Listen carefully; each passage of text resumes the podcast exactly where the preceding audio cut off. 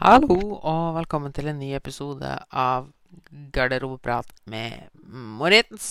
Da var det før som siden søndag kveld igjen. Eh, egentlig så har det ingenting å si for dere hva jeg sier, fordi om du hører på det på søndag, eller hva det nå enn er, så har det jo faen ingenting å si, det. Så jeg skjønner ikke helt hvorfor de driver og plaprer rundt om hvilken dag det er, og sånne ting. Men eh, det kan være greit for dere å vite det. Uansett. Og håper du har hatt en fin uke. Jul nærmer seg med stormskritt, og flere av dere har nok hatt allerede flere dager med litt julestemning. Og det er fint, det. Og snart så er det nye år, og vi håper vel alle på et litt bedre 2021 enn det 2020 har vært. Uansett så håper jeg at dere alle får en fin avslutning på 2020. og Uansett at det har vært mye drit i dette her året, så tror jeg at veldig mange av oss har tatt med seg en god del lærdom fra dette året. Det er ikke helt det jeg skal snakke om i dag. Um, det får vi ta en annen gang hvis noen andre vil det. Det jeg tenkte å snakke om i dag, er en ting jeg anbefaler veldig mange av dem jeg har kostholdsveiledninger med. Og det er dette her med å holde seg til én snack om dagen. Hva mener jeg egentlig med det? Fordi Hvis vi tar det med på praktiske eksempel, da. Nå i juletida så er vi jo veldig mye ute og spiser, og det er mye tjo og hei og kos og Mye mat tilgjengelig, da. Spesielt kosemat er det mye tilgjengelig av. Eh, og det er nok flere noe flere legger merke til på godt og vondt. Eh, det står mye fristelser rundt og slike ting. Eh, og det er lett å begynne å småspise en god del. òg. det er jo allerede første grunnen til hvorfor vi bør holde oss til én snack om dagen. Men det er så mye mer da enn bare småspisinga det går på. Fordi det som ofte er, er at en sånn snack da, eller godteri da med liksom sånn god mat da, eller godfølelse mat sånn Når jeg sier at én snack om dagen, så mener jeg at en gang om dagen så syns du du kan spise noe som egentlig ikke har noen annen hensikt enn å at du skal kose deg, da. Både fysisk og mentalt, skulle jeg si. Altså at For som regel så vil jo at hvert måltid skal gi deg noe du trenger, da. Gi kroppen noe han trenger, og det skal være noe hensikt det måltidet. Det skal gjøre deg god og mett, det skal gi deg energi i løpet av dagen, etc., etc. Så mener jeg at man bør ha en snack hver dag. Eh, som går med på mer det mentale, da. Tilfredsstille de behovene man har, og slike ting. Og slik mat er jo ofte assosiert med søtsaker, snop og rett og slett snack, da. Men det kan også være et glass vin eller en kakao eller noe slikt. Uh, og slik mat er jo assosiert med lykkefølelse og Eller lykkefølelse, men smaker godt og gir et dempende følelse, da. Det er jo derfor veldig mange tyr til slik mat når de er lei seg, eller når de er trist, eller sånne ting. For søtsmaken og kombinasjonen av fett og karbohydrat, og kanskje også salt, gjør at vi, vi får et velbehag inni oss, da. Uh, og veldig mange bruker jo dette her da til å Til å kompensere for et ubehag, da. Ref f.eks. stresspising og slike ting. Og, eller det at man spiser når man er lei seg fordi maten liksom fyller opp et hull. Og det kan jo fort bli et problem. Men det er ikke å feie under teppet at mat gir oss lykkefølelse og gjør oss blide iblant. Og mat er kos. Så det å si at man aldri skal knytte mat og følelser sammen, det syns de blir feil. Fordi mat skal gi oss kos, og vi kan søke trøst i mat, f.eks. Og det kan være litt høydepunkt i det. Problemet er når, hvis det blir en støtte en støtte eller et støttehjul vi er avhengig av, altså at vi må ha det, da vil det bli et problem. Og hvis det er eneste måten vi kan løse problemene våre på, så kan det fort bli til en slags avhengighet, da, for det er eneste måten vi klarer å liksom gi oss selv et outlet på, da. Så det er en av hovedgrunnene til at vi, har, at vi holder oss til én snekk om dagen. På den måten så gir du deg sjøl en naturlig begrensning, at du kun kan bruke maten som medisin, da, hvis de skal kalle det eller som trøsting én gang i løpet av dagen. Maks. Hvis det skal være til trøst, det skal være det, eller bare for å føle oss greit og ha det bra. Og egentlig bare også for å vise oss sjøl at det går helt fint å ha slik mat. Herregud, jeg har hatt folk som er nede på 1000 kalorier per dag, som fortsatt Og ja, dette her er individ som er veldig liten fra personer, så de har veldig lav BMR. Og sånne personer finnes det. Um, uansett, så til og med dem klarer å implementere noe kosemat hver dag. Det handler bare om å sette opp dagen lurt. Og det må ikke være store porsjoner heller, men litt kos hver dag. Men til, få tilbake til én gang. Hvorfor du kun skal gjøre det én gang om dagen, da? Og hvorfor de anbefaler at du også holder det til én gang om dagen. Det er litt den føre var-tankegangen. Fordi ja, du hadde kanskje ikke trengt den kosen hver dag. Men ved å ha den hver dag, så avdramatiserer du den og gjør den ikke så superhøytidelig. Som også gjør at du ikke har behov for så sinnssykt mye kos. Uh, så derfor tenker jeg altså føre var at i stedet for at du demmer opp og tenker Nei, men jeg trenger det ikke nå, jeg trenger det ikke nå, jeg trenger det ikke nå, så demmer det jo opp for et behov på sikt. Bare fordi du er litt ekstra flink pike. Og så kommer det punktet der du kjører på altfor mye. Og dette her er jo utallige ringvirkninger, som vi har snakka om tidligere. Så derfor anbefaler jeg også at du har den kosen din Du har den hver dag, men at du holder den til en gang om dagen. Så for å komme tilbake igjen da til hvorfor én gang per dag, som jeg så ikke sagt tre ganger nå skal komme tilbake til, men alltid gått på et sidespor, det at hvis du ikke har den regelen, da, så er det veldig fort gjort at du tyr til mat ved hvert ubehag. Altså hver gang du, du føler på et ubehag eller noe slikt, at du bruker mat eller kosemat som kompensasjon, da. Og hvis du da har det at du kun kan gjøre det én gang om dagen, så sannsynligheten er stor at du vil få det på ubehag flere ganger i løpet av dagen. Men du har bare dette her kortet, altså mat som en plaster på såret, det kan du kun gjøre én gang i løpet av dagen. Mest sannsynligvis. Eller hvis du følger den regelen her, da. Det vil da si at du faktisk må konfrontere det med konfliktene dine. Fordi du har brukt Du vet at du kun kan bruke det kortet én gang. Så du kan ikke bruke det kortet, altså matkortet, for å kompensere for ubehaget ditt. Det kan du ikke bruke mer enn én gang. Og det er litt morsomt å tenke på, for det betyr jo da at vi må faktisk tenke over problemet vårt i stedet for å bare fylle opp ubehaget eller fjerne ubehaget med hjelp av mat. Og det er her selve utfordringa kommer, fordi du må faktisk tenke over hva som faktisk gir deg dette ubehaget, og, og faktisk kjenne på det og gjøre noe med det.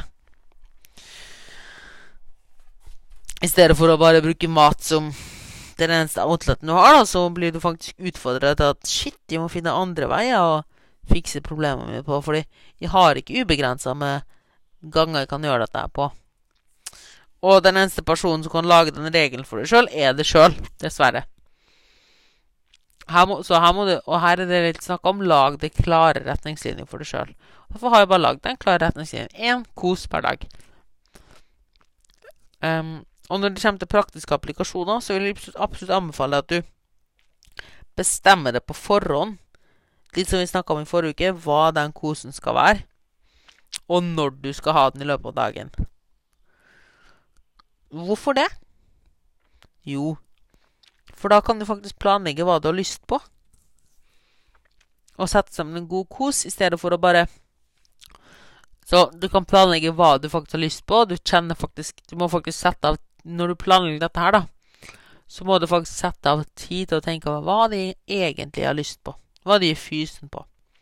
Så du lærer det å lytte litt mer til kroppen din. Og du klarer blir kanskje flinkere å skille på fysisk sult og mental sult. Uh, fysisk sult, da er du som regel bare sulten. Altså, da spiller det ikke så stor rolle om det er en agurk, eller om det er en Freia-sjokolade. Du vil bare ha et eller annet. Mens mentalt sult er ofte etter noe Det er ofte kalt cravings, også ofte etter noe veldig spesifikt. Uh, eller nei, cravings er ofte noe veldig spesifikt, og så har du mentalt sult i tillegg, som bare er eller, en smak, for da, at det skal være søtt, eller Eller bare fyll, faktisk. Det kan også være det. Og du bare må ha noe. At det ikke spesifikt var det. Hvis du faktisk lytter til ok, dette er fysisk sult, nå er jeg sulten, dette er cravings, dette er noe jeg har lyst på, og dette er mentalsult. At du klarer å skille mellom de tre, da. Og snacksen skal da helst tilfredsstille denne cravings-greia. Så vil jeg faktisk lytte og kjenne etter hva jeg egentlig har lyst på, så klarer du, merker du kanskje shit. Det var egentlig ikke Freia melkesjokolade jeg hadde lyst på. Freia, vær så snill å sponse meg. Men du merker at det var egentlig det at du måtte snakke med din mor, som du egentlig hadde lyst på. Men dette her er jo noe som ikke akkurat kommer særlig intuitivt, når den løsninga med å bare ta Freia melkesjokolade er så fort gjort. Mens det at du skal ringe din mor, da må du faktisk ringe henne, og så må du snakke om det som bekymrer deg, etc., bla, bla, bla. Da er det mye lettere å bare åpne den melkesjokolade og spise den. Men når du faktisk må sette deg ned og tenke over og planlegge, så merker du at shit, det var ikke den Freia melkesjokoladen. Det var ikke den som var fristende. Det var bare en kompensasjon. Så derfor vil jeg at du skal tenke over hva den daglige snekken skal være, da. Og det må på guds skyld ikke være den samme hver dag. Her kan det variere ettersom hvordan du føler det. Bare legg det inn på forhånd. Og når det kommer til tidspunkt Og det er de to siste argumentene jeg skal ha for den én snekk om dagen. Det er at én Du lærer deg å få bedre impulskontroll. I stedet for at du bare tenker spontant 'Å, dette har jeg lyst på! Dette skal jeg ha!' Det kalles shiny object-syndrom. At du ser noe som ser fint ut, og må ha det med en gang. Du får et behov Plutselig så er det et behov der som du ikke visste at du hadde engang. Og ved å bestemme oss at nei, jeg skal ha snekken min klokken åtte på kvelden, så jeg kan ikke ha altså pepperkaken klokka seks Nei, klokken fem nå. Da lærer du at impulskontroll. Du lærer deg å kontrollere deg sjøl at OK, jeg får ha pepperkake, men først klokken åtte i kveld. Bare for å lære det sjøl og vise det sjøl at det er du som har kontroll over maten, og ikke maten som har kontroll over det. Og det er fortsatt du som sitter i styret. Så det er ene grunnen til at vi bestemmer oss på tidspunkt for når du skal ha snekker inn. Og, nummer, og det andre argumentet for dette her, det er at det vil være et enormt viktig verktøy for å motstå fristelser. Hvis alle andre Eller fordi ofte så eh, tar vi sånne spontane avgjørelser og spiser liksom Hvis det f.eks. er bursdag eller det blir servert et eller annet, så bruker vi det ofte som unnskyldning for å unne oss noe godt. Fordi vi ellers ikke tillater oss å unne oss noe godt. Så hver gang det blir servert noe som du kanskje egentlig ikke har så sinnssykt lyst på, men siden det er noe søtt og godt, og det er eneste anledningen som byr seg fordi det er en unnskyldning for å faktisk ta det av maten, så utnytter du den anledningen din Anledning, Anledningen Takk. Der, ja. Så utnytter du den anledningen til å kose deg. Fordi du på egen hånd ikke til, tillater deg sjøl å kose deg. Uh, og det er gjerne så overkompenserer du litt fordi du tenker 'shit, jeg veit ikke neste gang jeg finner en unnskyldning til å kunne kose meg'. Så på en måte her, da, så gir du fra deg kontrollen. Du lar ytre faktorer bestemme når du kan kose deg, og når ikke. Og da er det ikke rart at du mist, kan miste litt kontrollen og tenke 'shit, når det er neste gang', når det er neste gang? Og du hopper på hver Og hver gang Det blir alltid hver gang vanskeligere å si nei takk til et eller annet. For du vet ikke om det var siste gangen på lenge at du fikk muligheten til å spise f.eks. julekake eller pepperkake eller chips eller whatsoever. Så for sikkerhets skyld, da, når da blir tilbudt, så tar du gjerne to. For å sikre at du er fornøyd over lengre tid. Hvis du derimot tenker at du klarer å At du heller tenker at du klarer å At du sier til deg sjøl at det går helt fint, jeg kan kose meg hver dag. Litt det vi snakka om i stad, at du ikke unner det, da. Men hvis du da unner deg litt kos hver dag, og vet at den kosen kan ha hva som helst så lenge det er én gang om dagen, og ikke sprenge kaloribudsjettet. Hvis du teller kalorier, da. Så kan du bare med Kan du bare slappe av. Du kan senke skuldrene og si du Nei takk. Den der kanelbolla klokka ni om morgenen, den kan du ha for deg sjøl. Da vil jeg heller ha en ferskbakt kanelbolle i kveld. Så du fjerner på en måte fristelsesmomentet. Idet du, du vet at jeg skal kose meg, ingen fare. Jeg skal få lov å kose meg.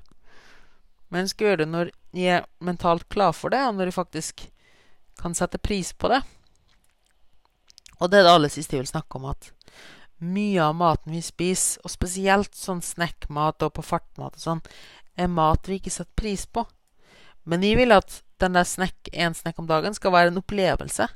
Du skal slå deg til ro og kose deg, kjenne etter på smaken og nyte det. Det skal være en helhetlig opplevelse. Kanskje du hører en god bok, eller hører en podkast, eller ser en fin serie. Og hele opplevelsen er fin. Fordi mat er så mye mer enn bare mat. Det er følelser, det er emosjoner, det er smak, det er lukt. Og det er noe jeg syns man skal sette pris på med en snekker om dagen. Ikke bare en twist på farta, men at du setter ned og bretter ut den twisten og tar hver bit og kjenner hvordan de smaker på tunga, og hvordan de sakte smelter, og kjenner etter på smakene. Ikke bare trykker den innpå. Og da lover jeg at du blir fornøyd med mye, mye mindre, og kosen vil vare mye, mye lengre. Så det var alle tinga jeg hadde hvorfor jeg anbefaler alle å ha én snack om dagen. Så fort oppsummert da, så kan jeg si at hvorfor anbefaler jeg én snekk om dagen? Jo, én Du tvinger deg sjøl til at du ikke kan bruke mat som kompensasjon for følelsene dine hele tiden. Du må faktisk sette deg til rette med følelsene dine. Men samtidig så har du muligheten å bruke mat som et lite plaster iblant. Men du sikrer deg at det ikke blir det eneste plasteret du har. Nummer to er at du lærer deg å sette pris på maten din, og du nyter maten, du nyter opplevelsen, og du, du har tilstedeværelse. Nummer tre det hjelper med å holde kontroll over maten du spiser, og sannsynligvis så vil du holde på litt mer viljestyrke.